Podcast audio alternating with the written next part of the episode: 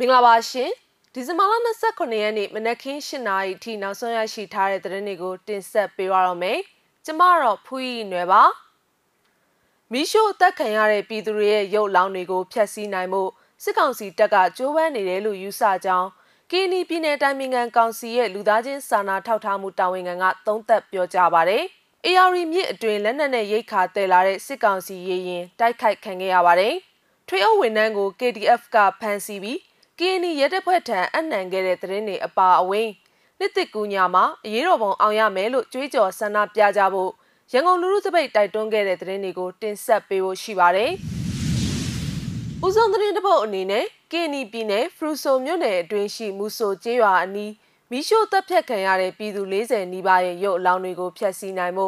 စစ်ကောင်စီတပ်ကကြိုးပမ်းနေတယ်လို့ယူဆကြောင်း ကီနီပြည်နယ်တိုင်းနိုင်ငံကောင်စီ KSCC ရဲ့လူသားချင်းစာနာထောက်ထားမှုတာဝန်ခံကပြောပါရယ်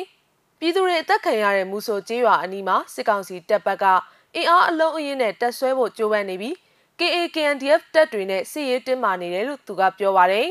နှစ်ဖက်တပ်တွေဟာအသင့်အနေထားရှိနေပြီးကီနီရဲဘော်တွေရှေ့တိုးရင်စစ်ကောင်စီတပ်ဘက်ကလက်နက်ကြီးလက်နက်ငယ်တွေနဲ့ပစ်ခတ်နေတာကြောင့်အခင်းဖြစ်ပွားပြီးနှစ်ရက်အကြာဒီဇင်ဘာလ26ရက်ညနေပိုင်းအထိ ရုပ်အလောင်းတွေရှိရာကိုထပ်မံတွားရောက်နိုင်ခြင်းမရှိသေးဘူးလို့သိရပါဗျ။ကျွန်တော်အနေနဲ့သုံးသပ်မိတာကအလောင်းတွေကဒီလိုမျိုးနိုင်ငံတကာကသိသွားမယ်ဆိုတာမျိုးကိုသူတို့သတိထားမိပြီလို့ကျွန်တော်ထင်ပါတယ်။အမိန့်အရာတစ်ခုခုဖြစ်စေမဟုတ်ရင်လည်းရှိနေတဲ့စစ်ကောင်စီတပ်မှုတွေက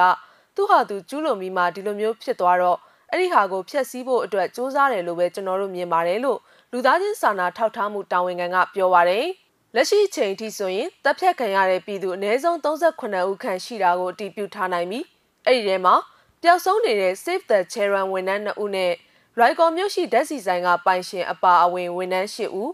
စုစုပေါင်း10ဦးဟာတပ်ဖြတ်ခံရသူတွေထဲမှာပါဝင်နိုင်ခြေရှိတယ်လို့ကနဦးသိရှိထားရပါတယ်။ဖမ်းတဲ့သူအလုံးတယောက်မှပြန်မလွတ်ဘူး။အကုန်လုံးမီးရှို့တပ်ပစ်တယ်ဆိုတဲ့သတင်းကတော့တေချာသွားပါပြီ။ဒါကြောင့်ဆုံးသွားနိုင်ခြေရှိပါတယ်လို့ KSCC ရဲ့လူသားချင်းစာနာထောက်ထားမှုတာဝန်ခံကပြောပါရယ်တပ်ဖြတ်ခံရသူတွေကကျန်28ဦးဝန်းကျင်ဟာဒေသခံတွေဖြစ်နိုင်ကြောင်းနဲ့16နှစ်အောက်ကလေးငယ်10ဦးဝန်းကျင်ပါဝင်နိုင်ကြောင်းကိုလည်းရရှိထားတဲ့အချက်လက်တွေပေါ်မူတည်ပြီးသူကသုံးသပ်ပြောကြားပါရယ်ဖရူဆိုမြို့နယ်နောက်ဖက်ချမ်းရှိမူဆိုကျေးရွာအနီးကိုထိုးစစ်ဆင်လာတဲ့အကျန်းဖက်စစ်အုပ်စုရဲ့တပ်မ66လက်အောက်ခံခမရ138စစ်ကြောင်းက ဒီဇင်ဘာလ24ရက်မှာအမျိုးသမီးနဲ့ကလေးငယ်တွေအပါအဝင်အပြစ်မဲ့ပြည်သူ40ဝန်းကျင်ကိုဖမ်းဆီးသွားခဲ့ပြီးရင်းတွေပေါ်မှာနောက်ပြန်ကျိုးတုပ်ပြီးအစုလိုက်အပြုံလိုက်အရှင်လက်လက်မီးရှို့တပ်ဖြတ်ခဲ့တာဖြစ်ပါတယ်။စကိုင်းတိုင်းထီချိုင်မြို့နယ် AR မြစ်ရည်လေတောင်ပြင်တနေရာမှာစစ်ကောင်စီတပ်သားတွေလိုက်ပါလာပြီးလက်နက်နဲ့ရိတ်ခါတွေတင်ဆောင်လာတဲ့အမြန်ရင်ရင်ကိုဒေသခံပျောက်ကြားတက်ကရှေ့ထွက်မိုင်းလေးလုံးနဲ့တိုက်ခိုက်လိုက်တယ်လို့သိရပါတယ်။ ဒီဇင်ဘာလ25ရက်မနက်7:18မိနစ်လောက်မှာစစ်ကောင်စီတပ်သား30ဝန်းကျင်ပါလာတဲ့အဲ့ဒီရင်ရင်ကို Force Army HPDF ကတိုက်ခိုက်ခဲ့တာဖြစ်တယ်လို့ဒီဇင်ဘာလ26ရက်မှာထုတ်ပြန်ပါတယ်။ကျွန်တော်တို့ကသူတို့စံတက်လာတဲ့ရှက်ပြေးအမြန်ရင်ရင်ကိုသတင်းကြိုရတော့ပျောက်ကြားတိုက်ခိုက်လိုက်တာပါ။မိုင်းလေးလုံးပစ်ပြီးသူတို့ဆက်ရက်သွားတယ်။ပြီးတော့လက်နက်ကြီးလက်နက်ငယ်တွေနဲ့မနားတမ်းပြန်ပစ်ကြတယ်လို့ Force Army HPDF ပြန်ကြားရေးတာဝန်ခံကပြောပါတယ်။ စစ်ကောင်စီတပ်ဘက်ကလည်း60မမ2ချက်40မမ5ချက်လက်နက်ငယ်တွေနဲ့မနားတမ်းပြန်လည်ပစ်ခတ်ခဲ့တယ်လို့ Force Army HPDF ရဲ့လူမှုကွန်ရက်စာမျက်နှာမှာထုတ်ပြန်ထားပါတယ်။လက်နက်ကြီးကြီးတလုံးကျွန်းပေါ်ကြားရောက်ပောက်ကွဲမှုကြောင့်ဒေသခံတောင်သူတွေဘေးလွတ်ရာကိုထွက်ပြေးတိမ်းရှောင်ခဲ့ရတယ်လို့လည်းဆိုပါတယ်။အဲဒီနောက်မှာစစ်ကောင်စီအမြန်ရင်ရင်ဟာမိโกတွေမောင်မဲစွာနဲ့ဆက်ရှိန်မြင့်မောင်းပြီးမြေအထက်ကိုဆက်လက်ဆန်တက်သွားတယ်လို့သိရပါတယ်။ အခုတိုက်ခိုက်မှုမှာစစ်ကောင်စီတပ်ဘက်ကထိခိုက်ကြဆုံးမှုကိုအတိပြုနိုင်ခြင်းမရှိကြောင်းနဲ့ဒေသခံပျောက်ကြားတပ်ဖွဲ့တွေအနေနဲ့အထီးခိုက်မရှိစုခွာနိုင်ခဲ့တယ်လို့ပြန်ကြားရေးတာဝန်ခံကပြောပါရယ်ကင်းနီပြည်နယ်မှာအောင်စီလက်အောက်ခံအထွေထွေအုပ်ချုပ်ရေးဦးစီးဌာန NAM CDN ဝန်ထမ်းကိုကင်းနီဒီမိုကရက်တစ်တပ်ဦး KDF ကဖမ်းဆီးပြီးကင်းနီပြည်နယ်ရဲတပ်ဖွဲ့ KSP တန်လွှဲပြောင်းအနှံခဲ့တယ်လို့ KDF ကဒီဇင်ဘာလ26ရက်မှာထုတ်ပြန်ပါတယ် စစ်ကောင်စီကိုအားပေးထောက်ခံပြီး CDM မှာပါဝင်ခြင်းမရှိတဲ့ထွေအုပ်ဌာနကအသက်48နှစ်အရွယ်ဦးအောင်မိုးကိုဒီဇင်ဘာလ25ရက်ည8နာရီမှာဖမ်းဆီးခဲ့တာဖြစ်တယ်လို့ KDF ကဆိုပါတယ်။ Kini Democratic တပ်ဦး KDF အနေနဲ့လူအခွင့်အရေးဆိုင်ရာမူဝါဒတွေကိုနားလည်ထားပြီးမြို့သားညွေရေးဆိုရ NUG ကချမှတ်ထားတဲ့စီမင်းစည်းကမ်းတွေကိုလိုက်နာလျက်ရှိကြောင်းပြည်သူလူထုတွေကိုကာကွယ်ဖို့အခြားသောမိဖက်အဖွဲ့အစည်းတွေနဲ့အတူ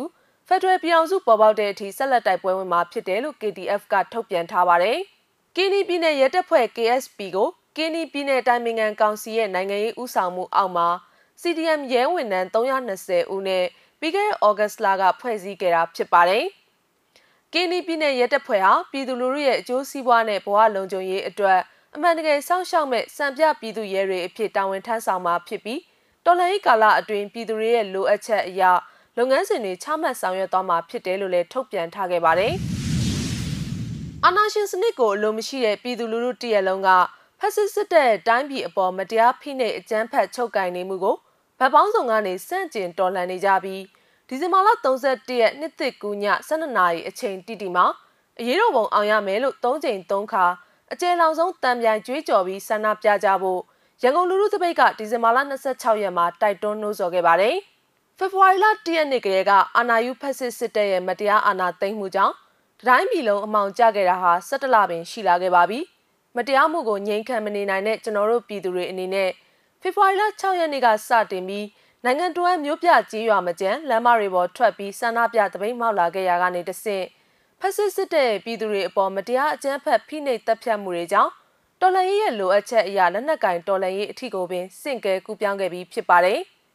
အခုကာလအထိ2021ခုနှစ်အတွင်း17လတိုင်တိုင်ရဲဝင်စွာအာသွန်ခွန်ဆိုင်တော်လှန်ခဲ့ကြတဲ့ပြည်သူတော်လှန်ရေးလမ်းစဉ်တလျှောက်